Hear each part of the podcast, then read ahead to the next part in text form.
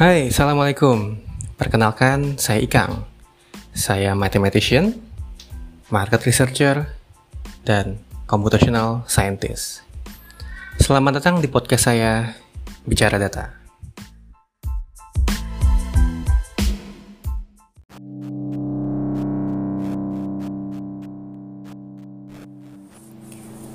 Hai, selamat datang lagi di podcast saya, Bicara Data uh, masih nyambung episode yang kemarin? Kok yang kemarin ya? Yang sebelumnya sorry. Tentang pembagian data berdasarkan sumbernya yaitu ada data primer dan juga ada data sekunder. Nah kemarin saya sempat bilang bahwa kalau kita uh, sedang mengerjakan proyek yang terkait sama data gitu ya yang membutuhkan data ada baiknya kalau kita mencari dulu data sekundernya. Dan kalau ada data sekundernya kita pertimbangkan untuk bisa dipakai. Gitu ya. Cara mempertimbangkannya gimana? Itu kembali lagi ke kita sebagai penelitinya gitu ya.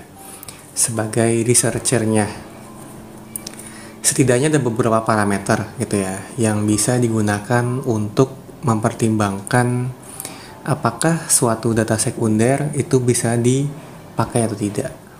Pertama, kita harus lihat dulu apakah ada perbedaan kondisi saat data sekunder itu diambil dengan kondisi sekarang. Gitu ya. Contoh, misalkan saya diberi project untuk melihat uh, habit gitu ya kebiasaan orang dalam bersosial media misalkan. Di TikTok misalkan. Seberapa uh, habit orang bertiktokan gitu ya. Saya punya datanya dan saya punya data sekundernya tapi data itu diambil pada tahun 2018 misalkan. Nah, kita pertimbangkan dulu tuh untuk memakai datanya gitu ya. Nah, cara yang pertama adalah kita lihat apakah ada perbedaan kondisi dari tahun 2018 dengan kondisi saat ini. Kalau kita rasa, oh tahun 2018 tuh belum musimnya TikTok, TikTok baru musim eh, sekarang-sekarang uh, aja kalau kita punya hipotesis seperti itu, ada baiknya data sekundernya tidak perlu kita gunakan. Kita harus mencari data primer.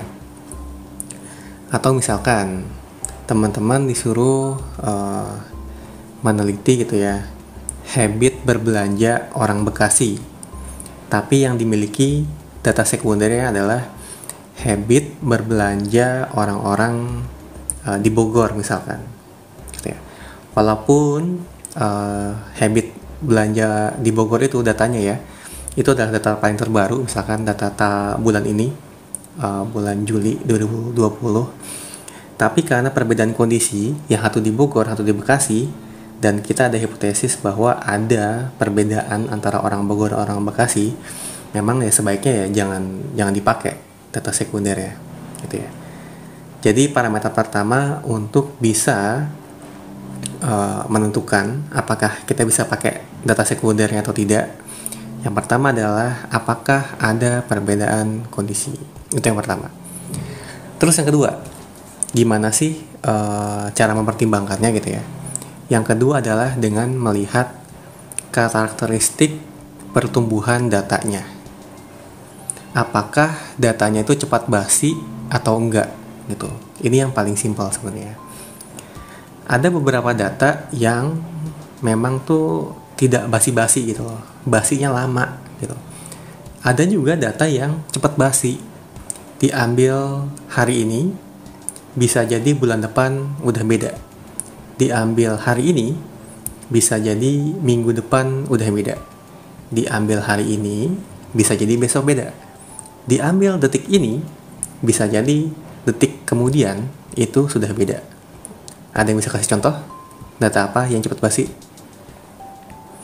Ya, data pergerakan nilai tukar uang, data harga saham, harga emas, harga komoditas. Nah, itu adalah contoh data yang cepat basi gitu. Jadi kalau misalkan teman-teman uh, memiliki project yang terkait dengan data-data yang cepat basi seperti tadi, ya sebisa mungkin ya selalu gunakan data primer, gitu ya. Oke, ada data yang nggak cepat basi, yang basinya lama. Ada yang bisa kasih contoh nggak? Yang contoh yang paling gampang ya, itu apa? Data kependudukan. Sensus itu 10 tahun sekali. Harusnya tahun 2020 ini tuh kita di sensus ya, karena terakhir sensus itu tahun 2010. Kenapa sih sensus itu 10 tahun sekali? Yaitu tadi, datanya itu tidak cepat basi. Data demografi penduduk kependudukan itu cenderung tetap. Konon katanya, perbedaan atau perubahan yang terjadi itu yang sangat signifikan terjadi gitu ya itu kalau ada perang, ada bencana alam global gitu ya, atau ada migrasi besar-besaran, atau ada wabah mematikan gitu ya. Jadi kalau ada empat hal itu cenderung demografi akan berubah secara drastis. Kalau tidak ada, ya maka cenderung akan tetap. Makanya sensus 10 tahun sekali, nggak tiap tahun. Oke, okay, se memang kalau berdasarkan pengalaman gitu ya dua parameter itu cukup sih untuk kita bisa mempertimbangkan apakah data primer atau sekunder itu uh, bisa diambil atau bisa dipertimbangkan.